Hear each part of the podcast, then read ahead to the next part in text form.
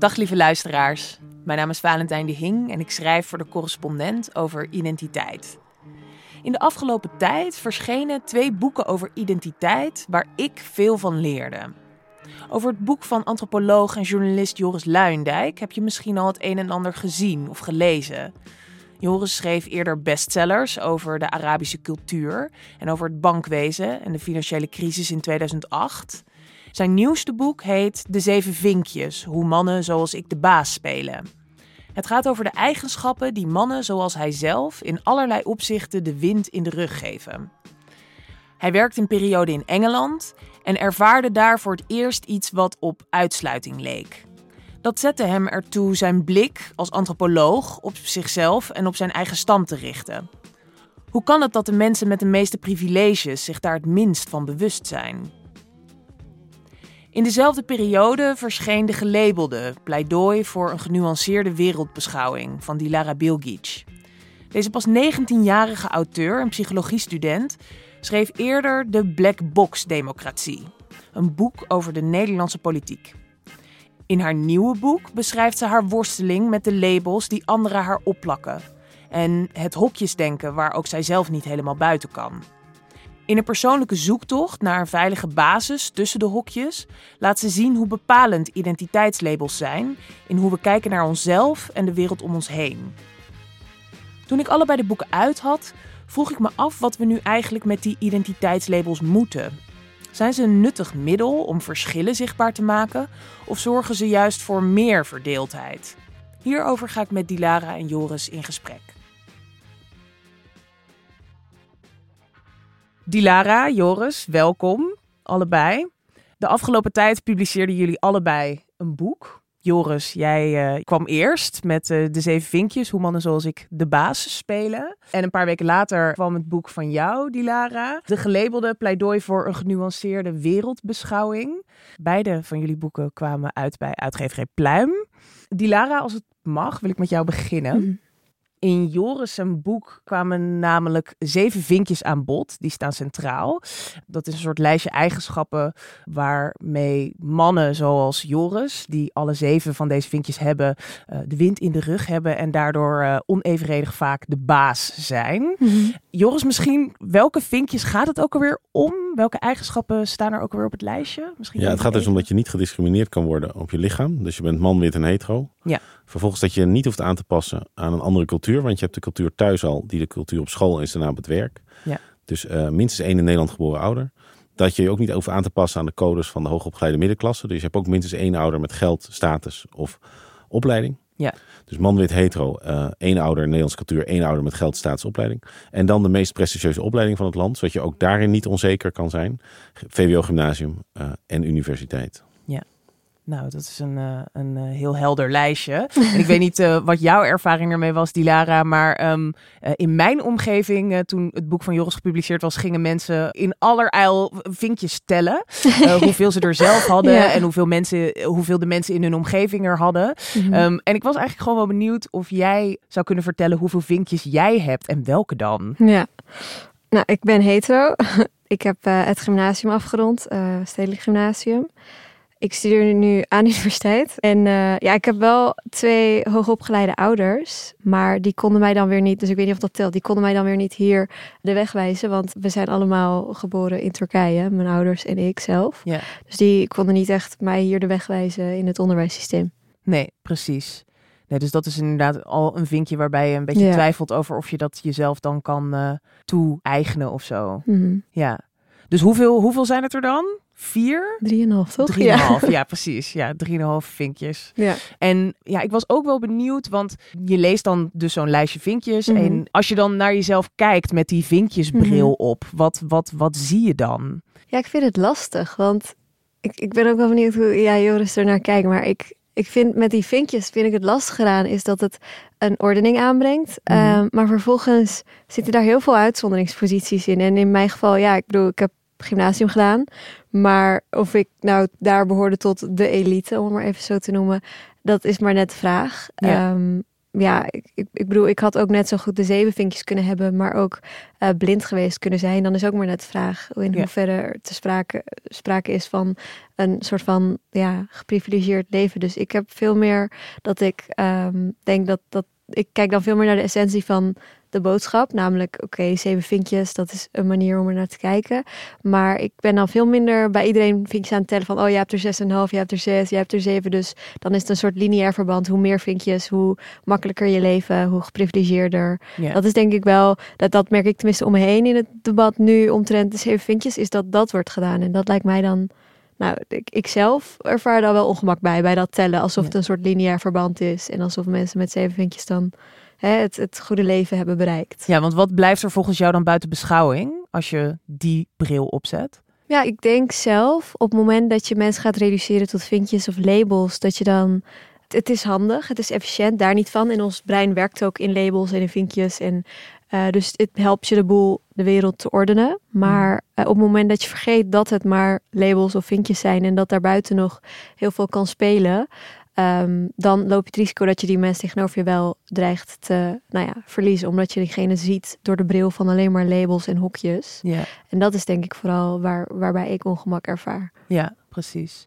Ja, dus, dus, dus die Lara die vertelt over eh, de vinkjes en, en, en met name over eh, ja, dat, dat bij sommige vinkjes, eh, dat vinkjes ertoe kunnen leiden dat mensen een soort van gereduceerd worden tot, tot één of meerdere vinkjes of tot een lijstje van vinkjes. En bovendien dat het bij sommige vinkjes lastig is om te bepalen, hoort die nou bij mij of past die nou wel of niet bij mij? Ehm, en ik was dus benieuwd hoe jij ehm, daarnaar kijkt en, en ook hoe je op die vinkjes gekomen bent, hoe je dat lijstje hebt samengesteld. Nou, wat ik al heel lang heb, omdat ik als schrijver kom ik graag bij de bedrijven thuis en bij de organisaties thuis. Dan kom ik daar dus al 25 jaar. En eh, al 25 jaar is het zo dat je de leiding zit bovenin. Die probeert eigenlijk zo ver mogelijk af te zitten van de mensen die het werk doen. En dan kom ik binnen en dan is het heel divers. Dus de, de bewaking, de receptie, de schoonmakers, de catering, super divers. Eh, mannen en vrouwen, etniciteiten door elkaar heen. En je hoort ook allerlei soorten Nederlands. Je hoort plat Nederlands, zoals dat heet, regionaal Nederlands. Je hoort eh, de Marokkaanse S, je hoort de Surinaamse W. Dan neem ik de lift naar boven en op iedere verdieping, naarmate de hiërarchie in die organisatie toeneemt, beginnen mensen meer op mij te lijken. Dus je ziet minder vrouwen. De vrouwen die je ziet hebben korter haar. Ze praten ook met een lagere stem. De exorbitante haarstijlen verdwijnen allemaal. De etniciteit verdwijnt er langzaam uit. En ik stap uiteindelijk bovenin uit. En daar zijn ze echt allemaal zoals ik. Praten ze opeens ook allemaal zoals ik. En ontdekte ik voor dit boek ook dat als ze de zoon zijn van een huisarts of van een hoogleraar of van een juf, vertellen ze dat heel makkelijk. Maar als ze de zoon zijn van een buschauffeur of een schoonmaker of een kapster, dan houden ze dat voor zich. Ja. En dus ik begon te denken van, zou er een soort norm zijn in ons land, waar mensen grotendeels onbewust aan proberen te voldoen? Zeker toen ik ook nog hoorde dat mensen die hebben gestapeld, die dus via MAVO, HAVO bijvoorbeeld op het, in het hoger onderwijs terecht zijn gekomen, of die HBO bij niet de universiteit, dat die dat allemaal verbergen op hun cv. En toen ben ik een enorme hoeveelheid research gaan doen eh, naar eigenlijk de mensen die in Nederland de baas zijn. Die heb ik voor een groot deel ook allemaal gebeld. Dat was ook echt een heel werk. Um, en gewoon te kijken van wat zijn hun kenmerken. Dus ik heb ook heel lang zitten denken van is ABN een kenmerk? Is regio een kenmerk? Is religie een kenmerk? Gezondheid is natuurlijk een enorm groot. Want je hebt fysieke gezondheid, mentale gezondheid. Maar mentale gezondheid heeft weer te maken met de gezondheid van de ouders vaak. En uiteindelijk bleek eigenlijk dat als je dus al die data neemt en je kijkt eigenlijk welke zeven kan ik nou een soort kring omtrekken en heb ik het grootste aantal hoofdredacteuren, belangrijke mensen in het openbaar bestuur, ministers, premiers, dan waren deze zeven. Ja, oh ja. En dat is, niet, dat is geen uh, theorie van waarheid. Het is veel meer zoals dat disksysteem met van die kleuren. Waarbij veel organisaties nu ook, hè, dan ontdek je je bent rood, je bent blauw, je bent groen of je bent geel. Dat is niet waar of onwaar. Het is een eerste stap. Wat zo kenmerkend is aan deze zeven is dat ze altijd met verschil omgaan vanuit een positie van dominantie. Hoe bedoel je dat? Dat ze dus zitten altijd in de meerderheid. Als man, als hetero, als witte, als Nederlandse cultuur. Of ze zitten in de dominante klasse. Namelijk hun ouders zij hebben geld, status of opleiding. En zelf hebben ze gymnasium en universiteit of, of VWO en universiteit. En dus maken ze eigenlijk nooit sociale kwetsbaarheid mee. Nee. En uitgerekend die mensen bepalen het beleid dat gericht is op het verminderen van kwetsbaarheid. Dus acht van de afgelopen tien ministers van Justitie waren mannen zoals ik. Waarom zou het niet opschieten met de discriminatiebestrijding in Nederland? De Ja. afgelopen jaren liep je meer risico als je, een, als je een formuliertje van de Belastingdienst toeslagen verkeerd leek in te hebben gevuld, dan wanneer je discrimineerde. Dat kan ik niet loszien van het feit dat in de media, in het openbaar bestuur, in de politiek en ook in het bedrijfsleven, de dienst wordt uitgemaakt door mannen die zelf niet in aanraking komen met discriminatie. En dan, ik zie het ze nog steeds doen, zeggen, nou, nou, valt het gewoon mee? Is dat echt zo erg? Hoe weet je dat dan? Kun je eens wat bewijs geven? Nou, ik vind de manier waarop je hierover praat ook echt heel vervelend. Nou, het lijkt, ik voel me als witte man bijna een beetje in de hoek gezet. Ik ben een soort bedreigde dier, soort huilie, huilie, huilie. ja, dat klinkt als een goede samenvatting van het debat, zou ik zeggen. Dit was eigenlijk wat ik ontdekte. Ik zei van, hé, hey, er is een soort van succesformule. En wat handig om dan met zeven vinkjes dat in één keer scherp te kunnen stellen. En daarna moet je gaan nuanceren. Mensen zijn veel meer. Ik ben ook wel heel benieuwd, Dilara, want jij gebruikt in je boek ook labels. Elk hoofdstuk draagt bijvoorbeeld een label dat jou ooit is opgeplakt uh, van buitenaf. En eigenlijk een beetje dezelfde vraag als aan Joris. Hoe, hoe um, kies, heb jij uiteindelijk gekozen voor de labels waar je over schrijft? Want daar zitten namelijk ook een aantal usual suspects tussen, die mhm. in, het, uh, in het huidige debat ook wel eens langskomen. Dus een hoofdstuk heet de moslima, eentje heet de feministen. Maar er zitten ook wat minder bekende labels tussen. Of in ieder geval labels die wat minder onder de microscoop liggen. In mhm. het debat bijvoorbeeld de snop of de collectivist of de filosoof. Of, dus hoe kies jij dan voor de labels die jij, uh, in je boek beschrijft? Ja, bij mij had het uh, denk ik niet zozeer. Ik heb daar niet echt heel veel onderzoek voor gedaan. Bij mij had het eerder een uh, literaire en psychologische reden. In, in die zin dat ik daarmee wilde laten zien. Want ik heb bijvoorbeeld heel veel labels heb ik doorgestreept. Maar ik heb ook minstens evenveel labels ook niet doorgestreept. Juist ook om dat arbitraire karakter te laten zien van we labelen. Maar soms hebben we het niet eens door. En sommige labels zijn gewoon zo doodgewoon geworden. Dat je vaak niet eens door hebt dat dat, dat, dat eigenlijk een label is. Dat je daarmee iemand reduceert tot een label. En ja, sommige die zijn best wel nou ja, als, als ik het zo zeg, dan klinkt het ook wel de PVV'er of de wappie. Dat zijn wel van die labels waarvan we allemaal zeggen van, oh ja, die kennen we. Ehm, bij mij heeft het vooral ja, ja, een literaire en psychologische functie gehad. In die zin dat ik gewoon eigenlijk aan het kijken was van, oké, welke verhalen kunnen mijn boodschap het best dragen? Dus in die zin, ja, het hadden net zo goed andere verhalen kunnen zijn. Maar deze vond ik gewoon het beste medium om bepaalde boodschappen in te kunnen verwerken. Ja, ik was eigenlijk namelijk ook heel erg benieuwd, Joris, of jij je bij het lezen van Dilara's boek uh, in één of meerdere labels die je daarin tegenkwam herkende. Ik heb het sowieso enorm van genoten. Nee, het is echt supergoed. En het deed me ook zo denken aan mijn tijd in Egypte. Ehm, de discussies over de hoofddoek, over geloof, over de voorbeelden over. Hè, weet je, ook als je de maker van het horloge niet ziet, dan uh, heeft het horloge nog steeds een maker. Dat is echt, ja, dat was letterlijk toen ik in Cairo studeerde, uh, de discussies. mensen vonden het ontzettend spannend om een echte atheïst in het wild te treffen. uh, dit, met wie je dan dus dit soort discussies kon hebben. Dan stonden ze echt elkaar te verdringen van ik heb nog een argument en zo. en uh, uh, ik vond het ook heerlijk, omdat ik, ik vind het zo'n kaalslag dat Nederland atheïstisch is geworden. Omdat religie biedt gewoon een, een vocabulaire om te praten over wat je eigenlijk niet kunt begrijpen. Uh, en wat een goed leven is. Dus, uh, en ja, ik moest dus lachen bij dat label van buitenstaander. Omdat ik denk ik altijd tot nu toe al mijn boeken heb heel erg geschreven als een buitenstaander. Van, oh, ik, ik wist er ook niet van, maar ik ging naar Egypte. Oh, ik wist ook niet van, maar toen maakte ze me Midden-Oosten correspondent. Oh, ik wist ook niet van, maar ik ging naar de banken. en dat gaf mij ook een, heel prettig, fijn soort positie van waaruit ik schreef. Want mijn lezers waren ook buitenstaanders. En dit boek maakte het zo ontzettend moeilijk. Omdat ik hier eigenlijk probeerde juist te analyseren de mate waarin ik geen buitenstaander ben. En het feit dat we in het Nederlands niet eens een woord hebben voor binnenstaander, geeft al aan dat iedereen zich altijd in die positie waant. Ik kom echt nooit mensen tegen die zeggen: Ik ben typische diplomaat. Zeg maar, ik ben een beetje een buitenstaander op buitenlandse zaken. ik ben een typische Amsterdammer. Dat nog een klein beetje, maar dan zitten ze in bonus in Almere. Trof mij nog, was een zin die mij trof. Toen dacht ik: dat is, dat, Ik weet niet of het, of het een label is, maar dat was waar ik dacht: Ja, dat, dat is het hier. Pas wanneer er ergens een gesprek over maatschappelijke of filosofische vraagstukken ontstond, 9 van de 10 keer met mensen die minimaal een decennium langere levenservaring hadden. Of wanneer iemand zijn of haar hart kwam luchten voor een diepgaand probleem, dat kwam overigens sporadisch voor, voelde ik me vrij. En dat is in, in, in één zin mijn persoonlijkheid. Op het moment dat het ergens over gaat, het, als het oprecht is of diepgaand, en het mooiste is als het oprecht diepgaand is, dan voel ik me vrij. En in alle andere situaties denk ik, hoe kan ik hier weg?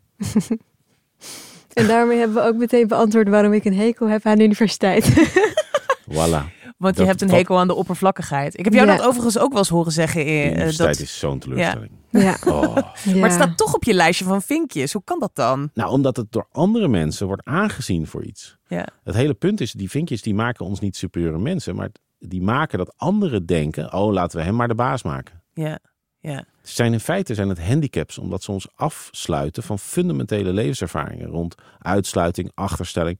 En, en het, ze zorgen ervoor dat ook incasseringsvermogen en aanpassingsvermogen in een soort verdomhoekje zit. Mm. Alsof het zielig is als mensen aanpassingsvermogen en incasseringsvermogen hebben ontwikkeld. Want terwijl ik zou juist denken, daarin groeit je karakter. 100 procent, ja. En dus eigenlijk zou ik denken van we willen eigenlijk naar een soort, om van de labels af te komen, willen we de enige groep die geen label heeft, namelijk mannen zoals Joris Luijendijk, er ook eentje geven. Zodat ze opeens aangepakt kunnen worden. En dat iemand kan zeggen, ja, dat is weer typisch zo'n zeven vinkje opmerking. en dat dan niet Gerrit, opgegroeid in Oost-Drenthe, op 60 kilometer van een goede school, met één laaggeletterde moeder, dat niet Gerrit ook is aangesproken. Want Gerrit weet ook echt wel wat uitsluiting en achterstelling en ook minachting is voor zijn moeder. Uh, want zo wordt er gepraat over laag opgeleiden het is een soort van één stap naar achter om twee stappen naar voren te zetten. Ik denk dat mijn soort man een hokje nodig hebben. Dat hoor ik nu ook van afdelingen personeelszaken en zo. Die zeggen, we hebben een term. Als we het gewoon, dan zeggen heb je nou weer een zevenvinkje aangenomen? Besef je, 3% van de Ja. bevolking heeft dat perspectief. Ja, Je hebt er al net al twee aangenomen. ja. En inderdaad een vrouw, en die heeft zes vinkjes. Ik ben ook wel benieuwd, want in je boek schrijf je op een gegeven moment over een interactie die je hebt met een medestudent met autisme. En wat ik zo treffend vond, is dat je zegt: ik moest toen echt heel actief mijn psychologenbrein uitzetten. want die wilde meteen diagnosticeren en labelen. Ehm, en in jouw boek lijkt eigenlijk een beetje een pamflet eh, tegen hokjes denken. Mhm. Je wil juist proberen om eh, de nuance tussen de labels in te vinden. En ja, ik weet niet of ik jouw boek zou typeren als een betoog. Maar als het iets zou betogen, lijkt het mij dat we wat meer van de hokjes af zouden moeten stappen. Het trof me omdat ik het zo waar, ik vond het zo raak dat je zei, ik moest mijn psychologenbrein uitzetten, want dat, dat, dat wilde labelen. Mhm. En ik vroeg me af, als iemand die zo'n ehm, ambivalente relatie met labels heeft, waarom kies je er dan voor om psychologie te gaan studeren? Want het is natuurlijk echt ook een wetenschapsgebied of een Mhm. vakgebied waarin labelen, diagnosticeren Mhm. echt heel erg erbij hoort. Ja, ja nou sowieso is, is denk ik nu binnen de psychologie heb je ook nog een neurodiversiteitsstroming. Dus die dus juist wel betoogt van autisme. Dat is gewoon een eh, neurodiverse eh, manier. En eh, dat, het is dus niet verkeerd of goed of slecht. En ik merk nu wel dat langzamerhand ook binnen de psychologie... dat daar wel veel meer op, op het gebied van heel veel stoornissen wel zo naar wordt gekeken. Dus dat daar is wel verandering in te, nou ja, te, te zien. Maar ik, ik denk ook niet dat labels aan zich verkeerd zijn. Ik denk ook dat de zeven vinkjes bijvoorbeeld, dat, is, dat helpt gewoon inzichtelijk brengen. En eh, nou ja, een soort kaart maken, ook in mindmap. Dat, dat, dat is eigenlijk wat je doet. Je, je maakt dingen inzichtelijk en dat is ook hoe het brein werkt. Dus ik zit ook absoluut niet in mijn boek een pleidooi te houden voor, weet je wat, we schaffen alle labels af. Want Ja. ja, ik ben de eerste die gaat zeggen dat dat gewoon onrealistisch is. En Ja. dat het brein gewoon zo werkt. Uit onderzoek blijkt wel telkens dat wanneer je dus eh, doet aan discriminatie of wanneer je heel veel vooroordelen hebt of stereotypen van iemand, dan kun je daar actief aan werken. Dus je hebt een labelmechanisme. Soms reduceer je mensen tot een label of dehumaniseer je doordat je een heel gestigmatiseerd label op ze plakt. Maar uiteindelijk kun je daar wel op allerlei manieren psychologische mechanismen mee omgaan. En bewustwording Ja. is daar dan wel de sleutel voor. Ja. Dus in, in dat opzicht denk ik dat het nou ja, efficiënt of nou ja, handig is om de labels eerst te behandelen. Om er bewust van te worden, net als bij de vinkjes. Ja, precies. Dus wat je eigenlijk zegt is, is, is we hebben die labels soms nodig. Soms hebben ze een functie, ehm, maar we moeten er niet te ver in doorschieten. Ja, nee, op het moment dat je bijvoorbeeld zegt, en dat heb ik op me heel erg gemerkt, dat het bijvoorbeeld tijdens de coronacrisis ging over, oh ja, die wappies. En dan hadden ze eigenlijk al bij de term wappie, dat zou strikt genomen eigenlijk moeten betekenen, ik vind het wel een denigreerd label, maar strikt genomen zou het moeten betekenen iemand die eh, nou, ja, heftige vraagtekens bij eh, de coronacrisis of nou, überhaupt bij het coronavirus. Nou, er, zijn, er is heel veel nuance ontdekken, maar als we het even een label moeten geven, dan is dat ongeveer de terminologie en de definitie die je eraan kunt plakken. Maar wat ik dan bijvoorbeeld merk, is dat heel veel mensen op het moment dat ze het over wappie hebben, dan komt daar een hele set aan kenmerken bij kijken. Dat is zo iemand, eh, die heeft eh, zulke kleding, die is, nou ja, er, er komt echt van alles en nog wat bij kijken. En dan reduceer je dus een mens met heel veel verschillende kenmerken tot één label en dat is dan allesomvattend. Ja. En ik denk dat dat problematisch is. Op het moment dat je niet doorhebt dat je dat doet, dan kan het gevaarlijk worden of problematisch of eh, polariserend zelfs. Hoe maak jij dat zelf mee? Want in jouw boek gaat het heel veel over jouw eigen persoonlijke ervaringen met Mhm. gelabeld worden, maar ook met zelf labelen. Kun je voorbeelden geven van hoe jij in je eigen le- eh, leven geconfronteerd wordt met eh, labels? Ehm, nou, vanuit hoe ik zelf label, dus mijn eigen bevoordeeldheid. Of nou, laten we daar beginnen. Nou, is goed. Ja, beginnen we bij mezelf. Eh, nou, ik merk bij mezelf natuurlijk, ik betrap mezelf er heel vaak op dat ik gewoon ook bevooroordeeld ben. En daar strijd je dan wel tegen. Om te beginnen, het label PVV'er, dat is denk ik iets wat in de loop der jaren voor mij veel meer eh, nuance en veel meer grijze, grijs gebied is gaan vertonen. Omdat ik eh, het gesprek juist aan ben gegaan met mensen die dat label PVV'er krijgen. En wat je daar dan in kan zien is hoe vaak. ehm, ik, ik ben zelfs vrienden geworden met mensen die mij aanvankelijk niet eens echt als mens konden zien. Maar nu achteraf denk ik wel, oh wat ben ik blij dat ik wel door ben blijven zetten en me heb opengesteld. Want uiteindelijk zie je daaronder exact wat, wat ik zelf ook ben. Namelijk mens met frustraties, onbevredigde behoeftes en emoties. En vaak komt uit die onbevredigde behoeftes, komt dan zo'n uiting van haat of woede of nou ja, een onhandige manier van het uiten van frustraties en onbevredigde behoeftes. En op het moment dat je voorbij die, nou ja, dat, dat, gordijn van woorden of eh, nou ja, frustraties kunt kijken en kunt zien wat daarachter zit, merk ik dat we helemaal niet zo heel veel van elkaar verschillen. Ja, ik weet dat het heel cliché klinkt, maar het is wel zo. Ja, precies. Maar dan word je dus toch op sommige momenten ook geconfronteerd met dat mensen jou dan ineens in een Ja. hokje plaatsen. Mhm. Hoe, hoe geeft zich dat vorm in jouw leven? Nou ja, ik merk wel bijvoorbeeld het label, nou moslim. Ik ben zelf ook vluchteling, eh, ook nog Turk. Dus dat zijn wel drie, denk ik, best wel ja, gestigmatiseerde labels soms. En daar komt heel vaak, merk ik, een heel beeld bij kijken. En op het moment dat je dat gesprek aangaat, heb ik heel vaak gehoord van mensen, oh, dit had ik niet verwacht van jou. Of ik had een heel ander beeld van jou. En op het moment dat je het gesprek aangaat, dan zeggen mensen, oh, maar dit wist ik niet. Dus daar, daarin merk je wel dat er heel veel te winnen valt door gewoon het gesprek aan te gaan. Ja. Want hoe begin je daarmee, vraag ik me dan af. Hoe ga je in gesprek met iemand die je dus eigenlijk een soort wegzet? Ehm, of je bejegent, je reduceert tot iets wat maar één aspect is van wie je bent. Dat, dat verschilt per persoon, denk ik. Moet ik je heb niet echt geduld een voor hebben, lijkt me. Ja, nou, bij, bij sommige mensen kan het lang duren. Ik, eh, ik heb bijvoorbeeld een vriendin bij wie het wel echt maanden heeft geduurd voordat ze überhaupt woorden uit wilde wisselen met mij. Daar schrijf je ook over in je Ja, boek, hè? Dat exact. jullie eh, eh, samen met een, in een groepje opfietsten, of wat, wat, Mhm. wat was het? Ja, een vriendin van een andere middelbare school, die had een, nou ja, gemeenschappelijke vriendengroep, met, met, net als dat van mij. En zij fietste altijd naar school en soms kwam ik ze tegen op de fiets. En ja, dan, dan, omdat het je vriendengroep is, fiets je vanzelfsprekend mee. Ehm, en dan fietst de gemeenschappelijke vriendin tussen ons in. En aan de andere kant fietst dan eh, de, de, de, de, nou ja, nu mijn vriendin. Eh, maar ik merkte dat, dat er een soort bijna ijzeren muur tussen ons in zat. Dus niet alleen mijn vriendin die tussen ons in fietste, maar er zat ook gewoon een soort ijzeren hek of een muur tussen ons in, waardoor zij me eigenlijk niet eens zag. Hmm. En ehm, ja, eigenlijk is, is, heb ik, is het enige wat ik daar heb gedaan, is gewoon geduldig zijn. En ja, je praat dan met vriendin in het begin die in het midden fietst, omdat je merkt, ik bereik de overkant überhaupt niet. Ik, ik kan wel gaan praten, maar dat, is, dat heeft geen zin. Ehm, en gaandeweg, ja, soms dan, dan stuur je zeg maar verborgen boodschappen terwijl je praat met je vriendin, waardoor ze ook wel, ze luistert mee. Ze kan niet haar oren ook blokkeren. Nee. En op een gegeven moment merk je wel een soort toenadering en dat is wel de eerste stap. En Ja. kijk, bij sommigen duurt het zo lang, bij anderen eh, gaat het sneller en soms willen mensen überhaupt niet het gesprek Ja. met je aangaan. En Er zijn er momenten waarop het echt niet lukt, bijvoorbeeld om verbinding te maken met iemand van wie je zo lijkt te verschillen. Ja, ik moet wel eerlijk zijn op sociale media. Ik krijg soms te maken met zoveel berichten. En dan kan ik niet bij iedereen via de DM die zeg maar met haat eh, een haatbrief of een haatberichtje heeft gestuurd, kan ik niet soort van een heel gesprek aangaan. Ja. Ik ben ook wel benieuwd, Joris, want jij schrijft in je boek natuurlijk ook over dat er een eh, zeer persoonlijke ervaring eh, ten grondslag ligt aan, aan wat je maakt en wat je schrijft. Want je kwam te werken bij The Guardian, dat was je droombaan en daar maakte je voor het eerst mee dat je niet helemaal in de groep paste. Ehm, zeg Ja. ik dat goed? Ja, want ik, had, ik heb natuurlijk eerder al in Egypte gewoond. Eh, ook lang. Maar daar was ik nooit afhankelijk van Egyptenaren. En ook in Libanon gewoond, maar ik was dan niet afhankelijk van Amerika en Israël.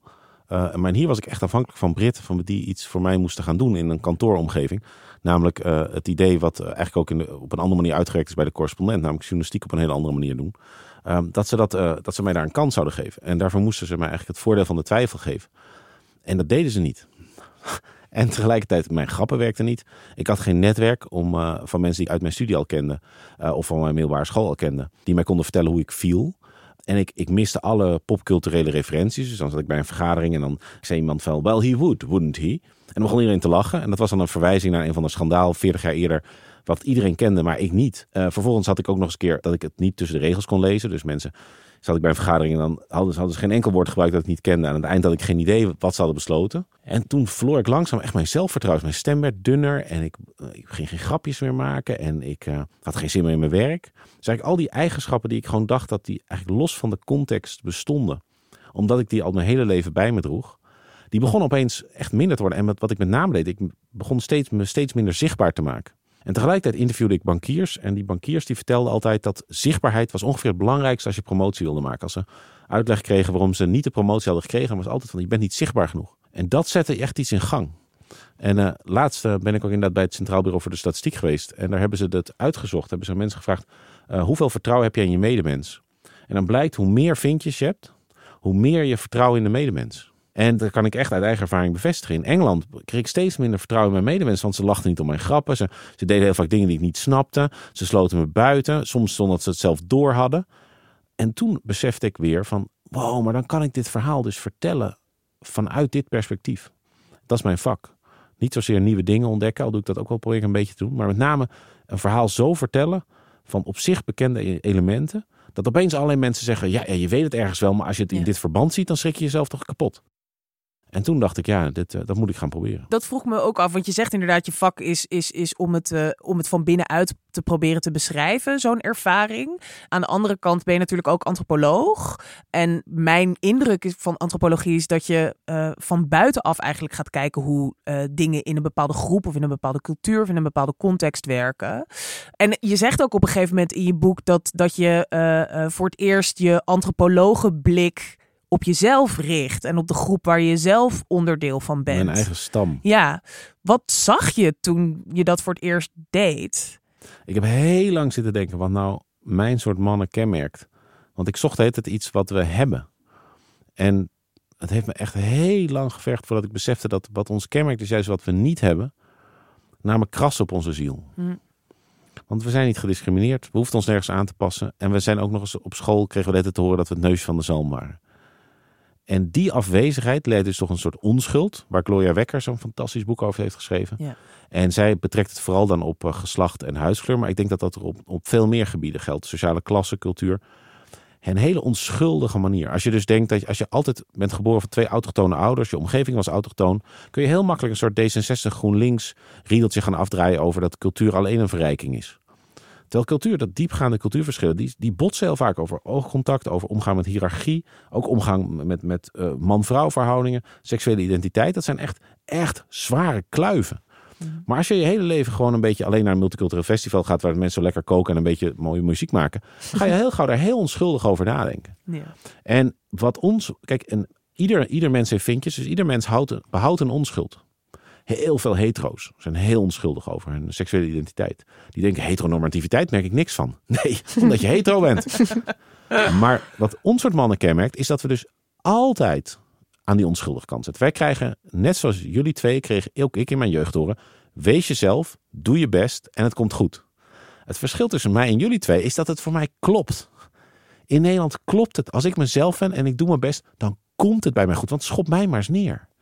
En dus schrijven wij boeken als De meeste mensen deugen, Het land gaat niet naar de knoppen, De kracht van optimisme en dat soort dingen. Want voor ons, tussen, tussen succes en dit, dit staat enkel een gebrek aan optimisme. Dat mis ik dan wel heel erg in het debat. Dan heb je dus enerzijds van oké, okay, uh, geprivilegeerd wordt er dan gezegd. En de andere kant die mag dan slachtofferrol innemen. En dat is dan weer iets wat ik dan weer ongemakkelijk en net iets te kort door de bocht vind. Uh, omdat je dan al snel uh, bijvoorbeeld nou ja, dus, uh, het, het slachtofferrol in gaat nemen van ja, er is racisme, er is discriminatie en jullie moeten me helpen. En ik denk dat dat dan een verkeerde uitgangspositie zou zijn. En dat is meer wat ik probeerde te doen in het boek. Meer vanuit een soort gelijke basis. En ik, ik weet dat het in de samenleving natuurlijk daarvoor moet je nog heel veel stappen nemen. Waarom? En dat is ook waarom de functie heel belangrijk is. Maar in elk geval wilde ik in mijn boek juist aankaarten van um, dat, dat labelen, dat is efficiënt. Maar soms doen we dat te veel, waardoor je dan kunt goed praten van... oh, maar jij bent PVV'er, dus ik ga niet met jou in gesprek. Jij bent wappie, dus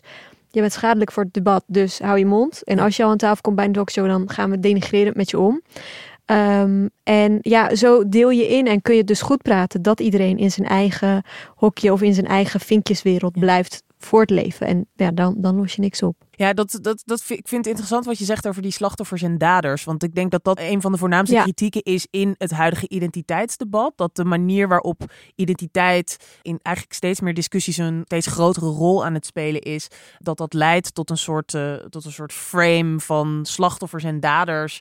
Waarin bepaalde mensen slecht zijn en andere mensen eh, eh, daar de, de, de consequenties van ervaren. En omdat ik toch het gevoel heb dat de zeven vinkjes wel een beetje bij, ja, ik zou zeggen, die klassiek identiteitspolitieke stroom aansluiten. Is dat ook iets waar jij mee bezig was toen je je boek schreef? Van, van hoe kan ik proberen eh, toch zoveel mogelijk buiten dat wij, zij, slachtoffer, dader denken te blijven?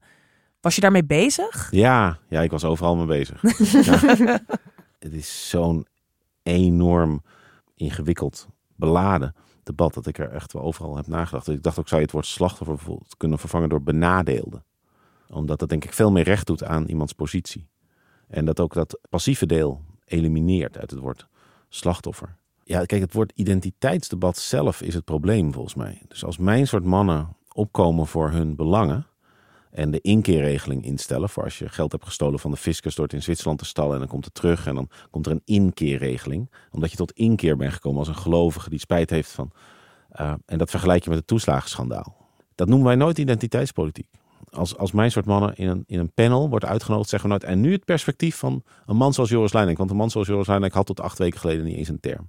En eh, als ik ook zeg maar echt mijn best doe om eh, het beter te maken voor mijn soort mannen, dan noemen we dat niet activisme. Dat idee van, je hebt dus mensen met andere vinkjes, die hebben een identiteit. En dan hebben we de neutrale man, Joris Luijendijk, en die spreekt voor het geheel. Dat is zelf het probleem. En dat is zelf een, eh, zeg maar, een discursieve strategie die heel effectief is om mensen precies in die rol te houden die dan je slachtoffer kan noemen of benadeelde. En die vervolgens ook nog ertoe leidt dat men elkaar de tent uitvecht. Want kijk eens even wat er nu gebeurt. hè. Hoe de transgenders en de radicale feministes, hoe bij de SP wordt gezuiverd, hoe bij één uit elkaar valt. En dat gaat steeds over welk vinkje is het ergst. En eh, de zeven vinkjes is, een, is misschien één stapje in een marathon van 40.000 stappen. Maar waar het misschien bij kan helpen, is dat je dus mensen niet zozeer labelt via geslacht of zo, maar dat je ze labelt aan de hand van hun afstand tot de norm. En dat is een, een homoseksuele zoon van laaggeletterde Poolse immigranten kan zeggen: Ik als tweede vink, twee vinkjes. En dat dan jouw moeder kan zeggen: hey, ik wil ook twee vinkjes. En die staan niet tegenover elkaar als wit-zwart, als, maar opeens als afstand tot die norm. En we delen dus een aantal ervaringen. Maar dat niet alleen. Wij hebben dus ook een aantal ervaringen opgedaan. Incasseringsvermogen, aanpassingsvermogen, doorzettingsvermogen, improvisatievermogen, veerkracht, vechtlust. Allemaal eigenschappen waar we nu niet naar vragen bij leiderschapscursussen. We zeggen, heb jij een middenklasse cv? Heb jij iets naast je studie gedaan? Heb jij een jaartje in, bui- halfjaartje in het buitenland in Grenoble bier gedronken met andere studenten? Want dat is het soort levenservaring dat we nodig hebben. Ja. Terwijl ik zou denken van als we dus gaan eigenlijk gaan zien, het, het, is een leerschool, het leven is een leerschool. Maar er is één groep die krijgt de hele tijd een tien. dus die hebben gewoon de stof niet gedaan. En dat zijn wij. En dat is niet onze schuld. En je moet ons niet gaan afzeiken dat wij het lichaam hebben dat we hebben. En de- het nest dat we hebben en het opleiding dat we hebben. Maar het maakt ons niet geschikt als leiders. En het is ook omdat wij dus niet erkennen dat die leerschool echt iets oplevert. Dat je iets kan wanneer je tegenwind hebt gehad. En daar zou ik op uit willen komen. Of aan mee willen werken, want eh, andere mensen hebben dit allemaal bedacht. Hoe luister jij ernaar, Dilara? Ben je het hiermee eens? Of Ja, ik vond het wel, want die term die mist in Nederland. En dat vond ik wel toen ik het boek las, dacht ik wel van, oh ja, dit is wel iets wat ik heel erg herken. Het ging de hele tijd over de witte man. En ik vond die term ook heel erg ongemakkelijk, omdat dat, eh, dan, dan, ja, dan zet je gewoon een hele grote groep mensen af als ze zijn allemaal homogeen en het is allemaal één pot nat. En ik ben zelf geen witte man, daar niet van. Maar ik vond wel gewoon de terminologie heel erg problematisch. Omdat je dus iemand die bijvoorbeeld uit een wat minder welgesteld milieu komt, die krijgt dezelfde labels als iemand die uit een wat, wat beter milieu komt. En die dus nooit eh, hè, de struggles heeft gehad van eh, hebben we wel genoeg brood op tafel. Dus ik vond wel in die zin dat zeven vinkjes 210 mogelijkheden was, toch? Ja. Dat, dat creëert wel heel veel meer nuance dan witte man of niet. En eh, dus ik vond dat in, in dat opzicht vond ik het wel ehm, mooi dat daar dus nu een term voor is ontstaan. Waarbij je ietsje meer de nuance kunt leggen. En ook iets meer inzichtelijk kunt krijgen. Op een manier waarbij je dus ook de dingen dus die dus normaal gesproken als neutraal werden bestempeld, ook kunt laten zien van oké, dat is niet neutraal. Want dat is wel in het debat wat ik nu heel erg ook merk, is dat het dan gaat over bijvoorbeeld neutraliteit. En dan wordt er altijd over een bepaalde norm gesproken alsof dat neutraal zou zijn. Bijvoorbeeld eh, de discussie over de hoofddoeken nu bij de politie. Wordt altijd gezegd, oh, maar dat is niet neutraal als je een hoofddoek draagt. Of jij bent niet neutraal als jij als iemand met een Turkse achtergrond opeens een opiniestuk gaat schrijven over bijvoorbeeld de partij Denk. Want jij bent zelf Turks. En ik denk dat, dat de Zeven Vinkjes, hoop ik tenminste, daar wel aan kan bijdragen. In die zin dat het dan duidelijk wordt dat, dat er niet zoiets is als neutraal. Wat ik zo mooi vond, uh, als ik mag ingrijpen van, uh, van over, over jouw boek, is dus dat het, uh, dat het eigenlijk zo, dus die, eigenlijk die leerschool inzichtelijk maakt. Van, ik, ik lees jouw boek als een, als een zoektocht naar jouw plek. Waarbij anders dan ik eigenlijk steeds voor jou wordt ingevuld wat jouw plek is. En je uit alle macht uit die plek probeert te vechten. Van, oh, kijk eens En, en je kracht is dat je dat dan volgens in anderen ziet. Dus je gaat inderdaad naar PVV'ers. En je zegt van, hé, hey, maar dan moet jou hetzelfde overkomen. En ik eh, vroeg me gewoon al lezend af, van, van, had je dit van tevoren al voor ogen? Of ben je zo gaan schrijven uh, en je dacht, hier, dit, kwam, dit drong zich aan je, aan je op? Nee, ik denk dat het andersom was. Dat ik uh, na het eerste boek dacht, ik ga nooit meer schrijven. ja, dat, dat heb ik overlijk gezegd. Dat heb ik nu nog steeds. Ja. Na elk stuk, denk ik dan. Net, net en toen, uh, nou, toen, toen begon dit hele debat weer. En toen uh, nou, ging het weer helemaal over identiteitspolitiek in die periode. En ik merkte, ik, ik wil hier toch wel over gaan schrijven. Dus dan begin je te schrijven en het begint klein. Um, het begon vooral als filosofisch essay. En het was weer gortroge filosofie. En toen merkte ik, nou, dit, dit gaat hem niet worden. Dit, het heeft een verhaal nodig om het kunnen onderbouwen. En uh, nou, ik, ik merkte, ik heb heel veel voorbeelden uit mijn eigen leven, hoe ik dus probeer wel voorbij die labels te kijken. En toen dacht ik, nou ja, dus je geeft een stukje je, je, levert gewoon een stukje privacy in. Maar uiteindelijk heb je dan wel een boodschap die je kunt verpakken op zo'n manier dat het wel duidelijk is en dat het wel begrijpelijk is. Dus ja, zo is het eigenlijk begonnen. Dat, dat ik wel een boodschap had die ik al wel wilde overbrengen. En dat ik dat eigenlijk alleen nog moest schrijven, op papier moest zetten. Ja, en die mildheid, heeft die altijd heb je die altijd gehad? Nou, ik, ik denk, ik kan ook wel eens, uh, ik als je met me thuis woont, dan kan ik soms ook wel, als ik naar het nieuws kijk, minder genuanceerd zijn en wat gechargeerder overkomen. Maar uiteindelijk, ja, ook omdat nu dus uh, labels bij ons thuis ook een uh, begrip zijn, wijzen ze me er thuis ook netjes op van nee, je bent nu ook aan het labelen. um, maar nee, het is absoluut niet. Ik ben niet altijd even mild en even genuanceerd en ik label ook wel eens en ik heb ook heel veel vooroordelen. Um, maar uiteindelijk is het wel ja, het is gewoon een zoektocht. En mijn boek is absoluut ook niet een soort van boek van, oh kijk, kijk hoe ik de waarheid heb bereikt en ik heb nu de methode en ik leer jullie hoe het moet. Het is vooral echt een zoektocht, een eeuwige zoektocht. En ik denk ook niet dat ik op mijn vijftigste, vijftigste terug kan kijken en kan zeggen van, oh ja, ik beheers de methode heel goed. Ik had soms het gevoel van dat ik dacht, oh, reserveer toch wat meer mildheid voor jezelf. wat minder voor de mensen om je heen. Ja ik, ja, ik weet het niet. Ik denk op het moment dat je de persoon tegenover je als, als soort van spiegel voor jezelf ziet, dan, dan word je vanzelf milder. En ik denk dat dat ook misschien is. Er is bijvoorbeeld een uh, methode van de psycholoog Marshall Rosenberg, uh, geweldloze communicatie. En dat heeft voor mij wel echt als een inspiratiebron ook voor het boek gewerkt. En ook voor heel veel gesprekken die ik heb. In die zin dat hij ook wel zegt van um, iemand die naar je toe komt en je aanvalt. Of uh, nou ja, neem, neem een dichterbij voorbeeld. Je echtgenoot die naar je toe komt en je uitscheldt. Um, wat daar, als je kan zien wat daaronder zit of wat daarachter zit, wat voor emoties en onverrichte behoeftes daaronder zitten, dan zul jij ook minder snel boos worden. Omdat je dan op een heel ander niveau en op een heel ander level communiceert dan hoe wij gewend zijn te communiceren. Namelijk, jij bent dit en ik ben nu verdrietig omdat jij dit hebt gedaan. En op het moment dat je dus kunt zeggen van oké, ik ben verdrietig omdat ik behoefte heb aan iets en ik neem er echt verantwoordelijkheid voor. En nou ja, val jij mij nu aan omdat jij behoefte hebt aan puntje, puntje, dan heb je opeens een heel ander gesprek. En dat vind ik wel heel waardevol. En nogmaals, het is niet iets, het is geen methode die ik al beheers. Ik ben er nog mee bezig. Wat vind jij de moeilijkste gesprekken om te voeren over dit thema? Moeilijk als in op welke manier? Nou, uh, uh, op wat voor momenten is het het moeilijkst om geweldloos te communiceren met iemand? Ik denk op het moment dat je communiceert met uh, de mensen waar je het meest van houdt, dan, ja, dat is, nou, ik ga nu weer met de cliché strooien, maar ze zeggen altijd dat je wel bij de mensen waar, je het meest van houdt, dat je ook sneller boos wordt. En dat is wel iets wat ik wel merk. Ik bedoel, deze methode kan ik makkelijker toepassen als ik op staat word uitgemaakt voor het terrorist of nou ja, wat dan ook. Dan heb ik veel minder snel de neiging om dat soort van om dan gefrustreerd te raken. Maar op het moment dat het iemand is waar je wel veel meer om geeft, dan doen die labels veel meer pijn en komen ze harder aan. En dan heb ik ook wel, dan moet ik ook wel veel meer moeite doen om te erkennen van oké, de persoon tegenover me, die is nu gefrustreerd, maar dat is niet naar mij als persoon gericht. Het is het is echt nou ja, iets wat intern bij die persoon speelt. Ik wil eigenlijk even overschakelen naar. Ja, ik vind het bijna een beetje moeilijk om daar te vragen. Omdat ik denk, Joris, ik vind het juist zo fijn dat we een beetje een inhoudelijk gesprek kunnen voeren en het niet hebben over de poeha rondom met name jouw boek. Maar ik wilde je er toch uh, naar vragen. En waarom dan? Uh, omdat ik wel het gevoel heb dat de ophef die rondom jouw boek ontstond, um, iets te maken heeft met het debat waar je boek ook bij aansluit. Maar niemand had het gelezen. Nee. Ik, had, ik had net zo goed een dummy kunnen opsturen. dus het, het kan er niet over gaan. Nee. Ze hebben geen idee wat erin staat. Ja. En dus Want, eigenlijk alle aandacht die er voor de rest aan geeft, is echt uh, weggegooide tijd. Ja. Ik was gewoon benieuwd, hoe, hoe zou jij de kritiek op het boek samenvatten? Ja, verbijsterend. Ja. Ja, wat heeft het nou voor zin? Uh, ja, ontlezing onder jongeren. Ja. Ontlezing onder columnisten. Het is opvallend hoe de, de recensie gewoon niet meer, geen rol meer speelt. Dus de, de Volkskrant recenseert boeken niet meer als er, een, als er een interview is geweest. Dus je dwingt ook niet als krant iemand om het dan te lezen. En, en de rest leest het niet meer. Nee. Leest geen boeken. Nee, precies. Dus uh, ja, dat kun je gewoon overslaan. Ja.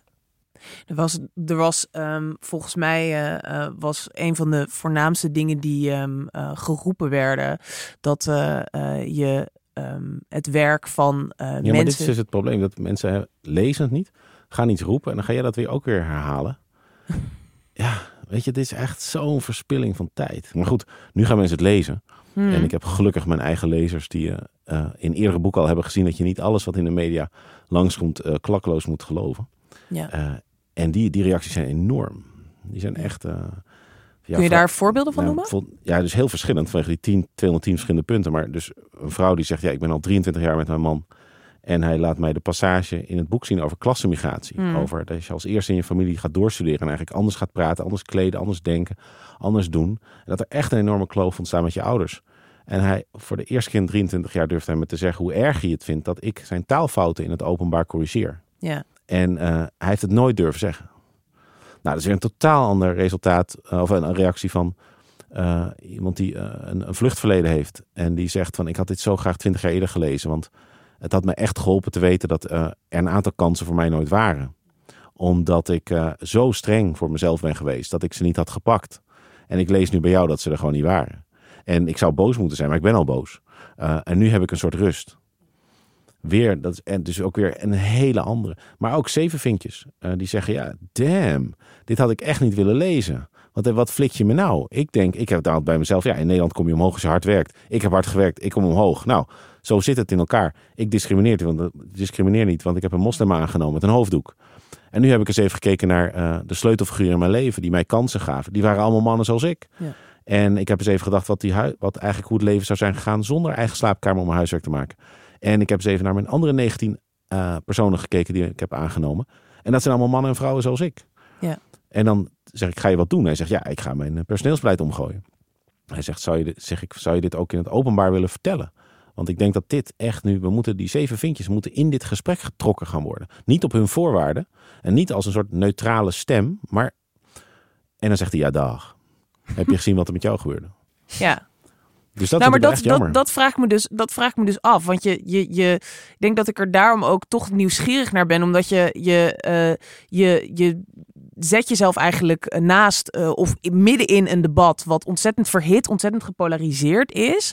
Dat is een keuze die kan je bijna niet meer naïef maken in een soort uh, uh, tijd van cancel culture en, en, en, en ontzettende online afrekening van mensen die het verkeerde zeggen of het verkeerde doen, weet je wel. Dus ik, ik, ik vraag me gewoon af hoe.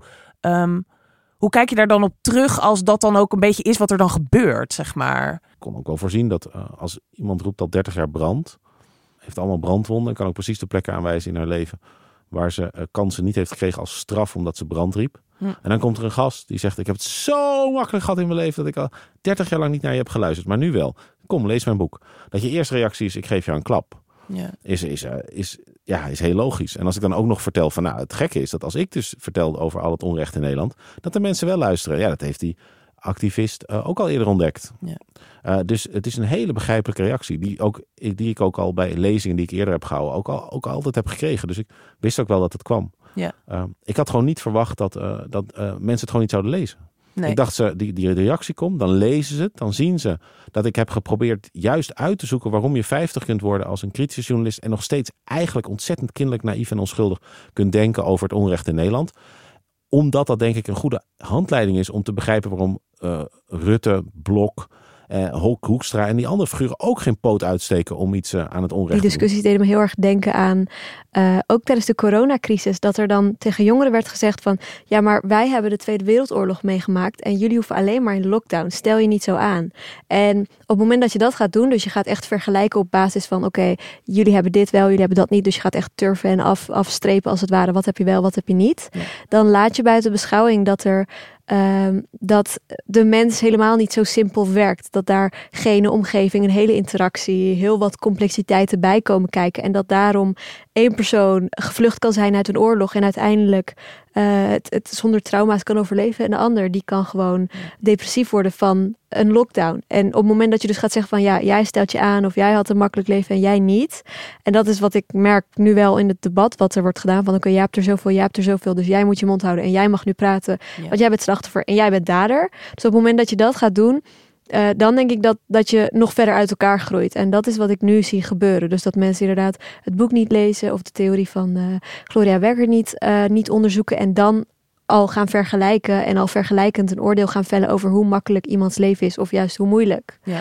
En dan laat je gewoon heel veel buiten beschouwing. nou, bijvoorbeeld alleen al gene, dat, dat, dat speelt ook een heel grote rol. Ja. Of gewoon überhaupt hoeveel veerkracht iemand heeft. Dat is de een die kan echt nog ook al maakt hij nog zoveel traumatische ervaringen mee, die kan nog gewoon goed functioneren. En de ander, die stort misschien al in. Uh, maar nu, nu zeg ik bijvoorbeeld al in, dat is al meteen een oordeel, bijvoorbeeld van, oh, dit, dit is minder. Uh, maar ja, de, een ander, die kan al depressief worden door de coronacrisis bijvoorbeeld. Ja. Hoe zouden we dit gesprek beter kunnen voeren? Nou, volgens mij, um, het, het, het, het gaat alleen maar over het gesprek. Ja. Het wordt dus columnisten, die, schrijven, die, die voeren ook geen debat. Ze recenseren het debat. En volgens is wie mag dit zeggen? Met welk woord mag je dit zeggen? Wie moet je aanhalen als je dit zegt? Wie moet op het podium zitten als dit wordt gezegd? Wat is de volgorde van spreken op het podium als dit wordt gezegd? Oh, we zijn het hier niet over eens. Wacht even, nou dan zetten we even alles stil. De bestrijding van lage lettertijd, van uh, wachtlijsten voor sociale huurwoningen, de onderadvisering, het onderwijs, de, het echte aanpak van discriminatie zetten we even allemaal stil. Want we moeten het eerst gaan eh, hebben over hoe we het erover gaan hebben. Mm en op dat punt blijft het. Ja. En bij uh, rond islam hebben we dan, uh, ging het heet over vrijheid van meningsuiting. Maar daar was in ieder geval nog een beleidscomponent. Dat ging over hoofddoeken, dat ging over islamitische scholen, imamopleidingen. Terwijl nu lijkt het beleid er helemaal uit. Je kan echt zeggen, als één op de zes Nederlanders laaggeletterd is. Dan heb je niet eens racisme, seksisme en homofobie nodig om die kinderen nu al op een ontzettende manier te benadelen. Dat is geen laaghangend fruit, dat is een hele laaghangende boomgaard. Ja. En het echt aanpakken van discriminatie is ook laaghangend fruit.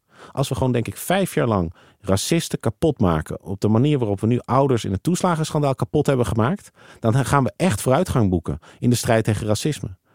En, en dat is dus het, het, het, het debat dient niet meer een beter beleid. Het debat is een, een verhaal over het debat geworden. En de voorstellen zijn dan weer hoe we dat weer beter gaan doen. Het is gewoon echt te belangrijk. Ja, ik vind het raar om dat vanuit als zeven vindje te zeggen. Maar dat treft me echt. En het is ook veel veiliger op, op, op, op Twitter daar weer over gaan hebben. Twitter is ook minuscuul klein. Hè? Als, als, het, als het 300 mensen iets retweeten, dan ontploft Twitter. Daar moeten we allemaal eh, weken over gaan hebben. Terwijl als er 300.000 mensen naar een televisieprogramma kijken, dan moet het van de, van de zender, want dan kijken er te, te weinig mensen. Ja, en Twitter is totaal ook niet representatief natuurlijk, want er zitten voornamelijk uh, politici en journalisten op, volgens mij. Ja. Uh, en, het gesprek, en heel veel activisten, mensen die gewoon echt, echt in alle heftigheid. Uh, ja, en, en goed voor them, hè? want uh, als je even kijkt, er is echt 100 jaar is er heel vriendelijk gezegd: Nou, dat Zwarte Piet, dat is niet helemaal oké. Okay. Toen luisterde niemand, ik ook niet. En toen, nee, nog met heel bescheiden provocaties: Zwarte Piet is racisme op een t-shirt. Ja. Dus het, het kan polariseren, is, heet zo'n negatieve term alleen vanuit het establishment. Want het establishment denkt, waarom wordt er nou gepolariseerd? Maar feministen die hun BH verbranden, ja, dan kon iedereen zeggen, dat vond ik een beetje overdreven, maar ik zou eigenlijk toch best willen werken, ook al verdien ik nog steeds minder. Ja. En dus, dus dat, uh, het, en het, de vraag wie mag wat zeggen, op welk podium en, en eer je voldoende de mensen wiens concepten je gebruikt, zijn allemaal hele legitieme vragen. Wat ik meer bedoel is dat als je daarin blijft hangen, dat het uiteindelijk een heel geprivilegeerd spelletje wordt. Maar ik denk op een dieper niveau, dat heb ik in het boek uiteindelijk maar een beetje aangestipt, maar dat komt eigenlijk helemaal terug op op wat Dilara zo goed benoemt over labels, is dat we, we, hebben een soort systeem waarin we mensen ordenen. En waarin we dus via opleiding en daarna inkomen een soort ranglijst uh, aanleggen. En uh, mensen dus echt zwaar labelen. Als hoogopgeleide, laagopgeleide, als uh, hoog inkomen, laag inkomen. Ook steeds dat hoog en laag erin. Um, en dat uiteindelijk daar, dat dus betekent dat je tegen de. Ja, als je zegt de wereld is een wedstrijd. De, de mensen die de onderste 25% van de posities be, bekleden help je die nou echt door te zeggen de wedstrijd was volkomen eerlijk? Volgens mij is de, de, de, de focus op meritocratie en kansengelijkheid is een, is een middenklasseagenda voor mensen die zich lekker willen voelen over hun privileges. En dan willen kunnen zeggen, maar de wedstrijd was volkomen eerlijk. Dus het feit dat ik gewoon twee keer per jaar of één keer per jaar ga skiën, dat ik een auto heb, dat ik een huis heb, dat was gewoon helemaal eerlijk. Dus wat zit je nou te zeiken? Wees blij dat je een uitkering geeft. En dus volgens mij is een, een volledig kansengelijke samenleving is de meest harteloze op aarde. Want dan hebben de mensen die in de, die ranglijst die we de kennelijk moeten aanleggen, hebben geen enkel verhaal meer. Dan moet je niet voor elkaar opkijken dat als daar dan een nationalist komt en die zegt maar je hebt het goede paspoort. Als een racist komt, zegt je hebt goede huidskleur. Als een seksist komt, die zegt maar je bent wel een man. Als een jihadist komt, zegt je hebt juist geloof. Dat dat appel heeft, omdat mensen dan wel uh, een, een label krijgen waarbij ze denken hé, hey, daar kan ik trots op zijn. Dus ik denk kansengelijkheid is echt een hele merkwaardige agenda. En zonder uh, solidariteit omdat het toch nooit kan. En respect voor andere vormen van levensinvulling. Ook de neiging om te denken dat in ieder mens een Alexander Pechtold zit die eruit wil. En dat in hmm. kansgelijkheid is dat we allemaal de kans krijgen om... Alexander uh, Pechtold te worden. Sigrid Kaag en Alexander Pechtold te worden. Ja. En dat het toch eigenlijk, weet je, als, als je laag opgeleid bent, ben jij dan mislukt. Maar we gaan je kinderen kansgelijkheid geven. Dus misschien lukken je kinderen wel. Ook over vluchtelingen wordt er gezegd, zitten heel veel hoogopgeleiden tussen. Dat is zo. Maar bloody hell, dat is een nogal conditionele vorm van humanisme. Dus dat zou nog een, een label kunnen zijn van uh, winnaar. Ja, ja maar dat, dat impliceert ook wel weer verliezers. En ik weet niet of de verliezers dat label gaan willen krijgen. Dus ik denk dat dat weer. Ik herken me wel heel erg in het pleidooi, inderdaad. Dat, dat dus die gelijke kansen op het moment dat je zegt van weet je wat, we geven nu gelijke kansen, dat impliceert dat iedereen dus ook al een gelijke basis heeft. En dat is natuurlijk niet zo. Dus dat is denk ik überhaupt al een problematisch verhaal om mee te starten. Uh, maar op het moment dat je dus erkent van dat gelijke kansen niet gaan leiden tot gelijke uitkomsten. En dat je dus bij de een op een bepaalde manier ondersteuning moet bieden en bij de ander op een andere manier. Ik denk dat je dan veel verder komt in het debat. En op het moment dus dat we voorbij het debat over het debat kunnen gaan, dan denk ik ook dat we heel veel verder gaan komen. Want nu is het dus vooral over wie mag er spreken. Of oké, uh, jij als uh, moslim of jij als Turk mag dit niet zeggen, want jij hebt die achtergrond al. Of jij als zevenvinkje mag dit verhaal niet vertellen, want dat moest, dat moest die lader vertellen. Bijvoorbeeld, dat is op het moment dat je dat gaat doen, dan ga je dus het verhaal als het ware toe-eigenen of het verhaal toespelen aan bepaalde groepen die het verhaal dan mogen vertellen. Terwijl ik denk dan van focus op wat er wordt gezegd en niet op wie het zegt. Ja, precies. Wat mij opviel is hoeveel jullie ervaringen die jullie beschrijven in het boek ook met elkaar overeen lijken te komen.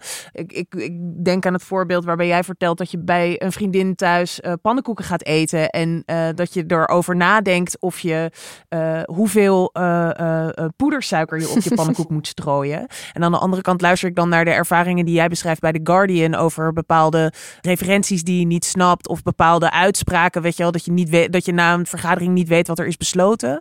Um, ja, weet je, zo, is wel echt één verschil. Want ik had die ervaring in het buitenland en ik kon altijd terug. Mm -hmm. Terwijl die Lara heeft er in haar eigen land. Ja. Dus het is wel, daarin is echt een verschil. Dat, ik was daar aan het bungee jumpen. en je kwam uiteindelijk, werd je gewoon weer naar boven getakeld, bedoel je? Ja.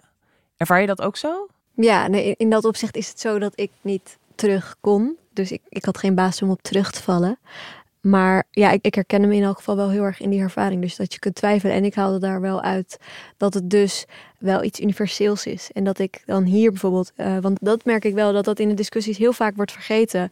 Ook bijvoorbeeld bij Nederlands vriendinnen met een Turkse achtergrond. Dat ze dan uh, op het moment dat, dat je dus hebt over die gepolariseerde debatten, dan wordt gezegd van, oh ja, maar wij hebben een heel lastig leven, want we worden hier weggezet en we zijn hier de buitenstaander. Maar op het moment dat ik dan op het moment dat je het dan gaat hebben over bijvoorbeeld de toestand in Turkije, daar hebben ze ook een ander. Je hebt een ander nodig om te kunnen spreken van een wij. En hier is dat misschien toevallig, ben ik dat misschien.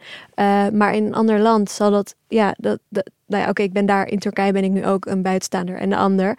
Uh, maar als, ik daar zou leven en ik was daar wel de norm geweest, dan had ik daar net zo goed discussies gevoerd over bijvoorbeeld wat ik nu om me heen zie gebeuren in Turkije. Uh, hoe nu de PVV bijvoorbeeld spreekt over migranten en buitenlanders. Op die manier wordt er ook onder heel veel vrienden in Turkije gesproken over Syriërs. Dat ik denk van wow, ik bedoel, we lijken misschien qua uiterlijk heel erg op elkaar, maar wat jij nu zegt, je had zo bij de PVV kunnen zitten. Dus je had je zo daar aan kunnen sluiten. En dat is dus wel, dat is wel iets wat, wat ik dan als inzicht heel erg meenam, ook uit Zeven Vintjes. Het is dus niet landgebonden of het is niet iets wat uh, in Nederland iets is van de Nederlanders die dat doen. Het is, ja, in Turkije gebeurt het, in uh, Engeland gebeurt het en overal heb je, ik bedoel, je hoort er hier misschien bij, maar in een ander land zul je net de buitenstaander zijn. Of in een bepaald milieu zul je erbij horen. Maar maar in een ander milieu zul je net de buitenstaander zijn. Dus het is ook heel erg relatief, betrekkelijk. En daarom, voor mij in elk geval, is het begrip van thuis horen daarom heel erg relatief. En bijna hol zou je kunnen zeggen. Ja, ja. Ja, en hokjes denken is dus iets universeels. Dat hoort er gewoon ook ergens ja, absoluut. bij. Mhm. We kunnen er eigenlijk niet zonder. Dat is ook wat je, wat je schrijft in je boek. Ja. Wie moeten deze handschoen op gaan pakken, jongens? Zijn dat de activisten, politici, beleidsmakers, wie, uh, wie, wie kunnen hier nu de beste impuls aan gaan geven? ik zou niet één groep aanwijzen. Ik denk dat, dat boeken, hoop ik, ertoe gaan leiden dat het maatschappelijke debat misschien een andere kant op gaat, voorbij diversiteitscommissies. En het is een agendapunt waar we wat mee moeten doen. En nou, we hebben iemand van kleur aan tafel, dus dan, dan zit het wel helemaal goed. Dus ik denk dat, dat boeken en bewustwording ertoe kunnen leiden dat het gesprek een andere kant op gaat. En daarnaast heb je natuurlijk ook nog op beleidsniveau, politiek niveau. Dus ik denk, ik zou gewoon zeggen, op alle niveaus proberen er het beste van te maken. En daarvoor moeten we dus op alle niveaus wel ermee aan de slag voorbij eh, hè, wat, wat we nu hebben aan oplossingen. Ja. Jij uh, bedankt aan het einde van je boek, bedank je uh, de bruggenbouwers. Ja. Um, uh, het laatste hoofdstuk van je boek heette Verbinder. En, en hoe, hoe worden mensen bruggenbouwers, vraag ik me af. Mm, ja, dat is denk ik ja, wederom weer per individu verschillend. Maar ja, wat, wat ik in elk geval bij mezelf merkte is dat ik op heel veel kwesties, dan, dan zie je inderdaad verschillende soorten perspectieven. En dan heb ik dat even voor het gemak in het boek gereduceerd tot twee kampen om het tastbaarder te maken. En wat je dan wil is eigenlijk beide kanten nog bij je houden en beide kanten meenemen in het proces. Um, en uh, ja, in het begin, in, in, nou ja, in de eerste klas, rond die periode, was ik vooral dat ik dan op zoek was van waar kan ik me aansluiten? Kamp A of kamp B? Ga ik naar de ene kant oversteken of naar de andere kant? En op een gegeven moment erkeer je dus van, weet je wat, misschien moet ik niet per se krampachtig proberen van ik moet er per se bij horen en ik moet me ergens aansluiten. Misschien is die positie in het midden, waarop je dus beide kanten kunt zien en we hebben aan, tegen beide kanten kunt zeggen van wat je nu doet, dat is schadelijk. En aan de andere kant, wat jullie doen, dat is ook weer schadelijk. Uh, maar dit onderdeel vind ik dan wel weer mooi. Dus je kunt, ja, the best of both worlds, die kun je wel samen nemen. Um, en dat betekent wel dat je in het midden staat. Um, en dus niet ergens bij hoort. Ja. Uh, maar dat betekent ook wel dat je beide kanten hopelijk, uh, al zijn het maar enkele mensen, dat je die wel naar elkaar toe kunt trekken. Ja. En ik, absoluut niet, ik heb absoluut niet de illusie dat ik een hele groep kan verbinden met een hele andere groep. Maar soms gaat het echt op individueel niveau. Dat je gewoon merkt, oh, twee mensen die elkaar nooit hadden toegesproken, die gaan nu opeens het gesprek aan. En die hebben nu opeens begrip voor het perspectief aan de andere kant. Ja, ja. Joris, als er zeven vinkers luisteren, en ik neem aan dat er vast een, uh, vast een aantal uh, zijn, uh, die nu hun oren spitsen, hoe, um, hoe kunnen zij de deur naar meer verbinding openen? Hoe kunnen zij bruggen bouwen naar de mensen die eh, wel die sociale kwetsbaarheid ervaren, die zij dus nooit eh, uit hun eigen ervaring kunnen kennen? Ja, dat is een, eh, een, een, een grote, een goede vraag. Uh, volgens mij is het inderdaad het, het, het, het, ongemak dat ik erbij heb, is dat zo van dat je dan inderdaad van, nou, dan gaan we dus die mensen weer centreren. Mm. Gaan we het weer over die figuren hebben. Maar die zitten nou eenmaal wel echt op allerlei enorm veel machtsposities en zijn ook nu op weg naar die machtsposities. Um, en uh, ik denk dat, dat uh, wat we denk ik moeten gaan zien, is dat we dus heel veel bij te leren hebben. Omdat het gaat binnenkort gebeuren dat kwaliteit niet meer is dat je VWO of gymnasium in één keer hebt gedaan. En dus niet bent ondergeadviseerd zoals een arbeiderskind of een, iemand van kleur. En daarna even in het buitenland studeren en iets naast je studie doen. Kroegbaas bij de studentenvereniging. En, en dan uh, vooral heel zichtbaar zijn en grote bek kunnen opzetten. Maar dat het gaat om straks om aanpassingsvermogen, incasseringsvermogen. En dat wij daar heel veel hebben in te halen. Dat je dus ook moet gaan nadenken of je je kind eigenlijk wel helpt door je kind um, het ook met bijles en examentraining en zo precies tot een soort zeven vinkje te gaan opvoeden. Ik krijg al een paar geëmancipeerde vrouwen die mij mailen dat ze hun, mijn boek hebben gegeven aan hun zoon. Omdat ze beseffen, ah, ik ben een, ik ben een zeven vinkje aan het opvoeden. Ik ben precies de soort man aan het opvoeden van wie ik mijn hele leven al last heb. Die zich namelijk niet kunnen verplaatsen in kwetsbaarheid omdat ze het niet hebben meegemaakt. Ik denk ook dat heel veel zeven vinkjes, als je doorvraagt. En die Larisboek is een ontzettend mooi monument over. Je hebt die vinkjes, maar je hebt ook een aantal andere dingen waar je echt mee hebt geworsteld. En, uh, en dat heb, zeven, ook zeven vinkjes worden depressief. En ook zeven vinkjes kunnen een, een moeilijke vader of een moeder hebben. En, en ergens zit ook zeker een confrontatie met kwetsbaarheid. Die wel weer in een andere bedding landt, omdat je het voor de rest zoveel mee hebt. Maar je, volgens mij, wij kunnen echt wat leiden. Dus wij kunnen echt uh, sleutelfiguren proberen te zijn voor mensen met een hele andere achtergrond. Dat we onze reputatie aan hun reputatie verbinden en zeggen van oké, ik snap het, die persoon die heeft niet uh, bij de studentenvereniging gezeten, die, die praat niet op de juiste manier, juiste manier tussen aanhalingstekens. Maar ik garandeer, ik ga die persoon hier rondleiden, helpen, coachen, mentoren. Um, en ik sta voor die persoon in. En dan wordt het minder eng voor de organisatie om eens iemand aan te nemen die heel anders is. Vervolgens moet je dus niet stoppen en denken, nou die hebben we aangenomen, nu, nu zoekt ze het maar uit. Maar je moet ook gaan uitleggen, zoals ik bij The Guardian die uitleg had moeten hebben. Van hoe werkt het hier? Wanneer betekent maybe, maybe not? Misschien niet, misschien wel. En wanneer betekent het vergeet het maar Joris? En wanneer betekent het tuurlijk? En dus daar, daar valt ontzettend veel te doen. Maar al die mensen die ik heb geïnterviewd met andere vinkjes dan ik, die hebben sleutelfiguren. Personen die op een cruciaal moment de poort wezen, de weg naar de poort wezen, uitlegden hoe je op de poort klopt, uit, uh, de poort opendeden. Of nadat de poort was opengegaan, zeiden nou moet je zo lopen. En zo iemand kun jij ook zijn. In je organisatie. Ook enorm leuk. Iemand van 20 jaar jonger. Die je gewoon gaat zeggen van... hey, kun je mij een beetje bijpraten hoe het is om van jouw generatie te zijn? Ga ik jou een beetje bijpraten wat we nou echt dadelijk echt hebben besproken in die vergadering? Kom ook een keer bij me eten. Dan zie je ook eens hoe dat bij ons gaat. En daar is, dat is echt die verbinding waarvan jouw boek een monument is. En ik denk boeken helpen ook echt. Ik denk dat Bakkers een boek als dat van Dilara en, en Levens mee. En daar zijn boeken zo goed voor. Ik... Uh kan niet anders dan het uh, daar ontzettend mee eens zijn. Ik denk echt dat, uh, dat iedereen zowel jouw boek, Joris, de Zeven Vinkjes zou moeten lezen, als het boek uh, De Gelabelde van Dilara. ik wil jullie echt super bedanken voor dit gesprek.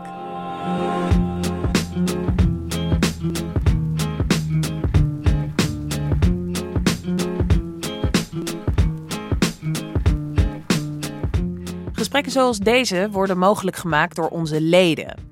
Dus ben je nou nog geen lid? Ga dan naar www.decorrespondent.nl slash. Alvast heel erg bedankt.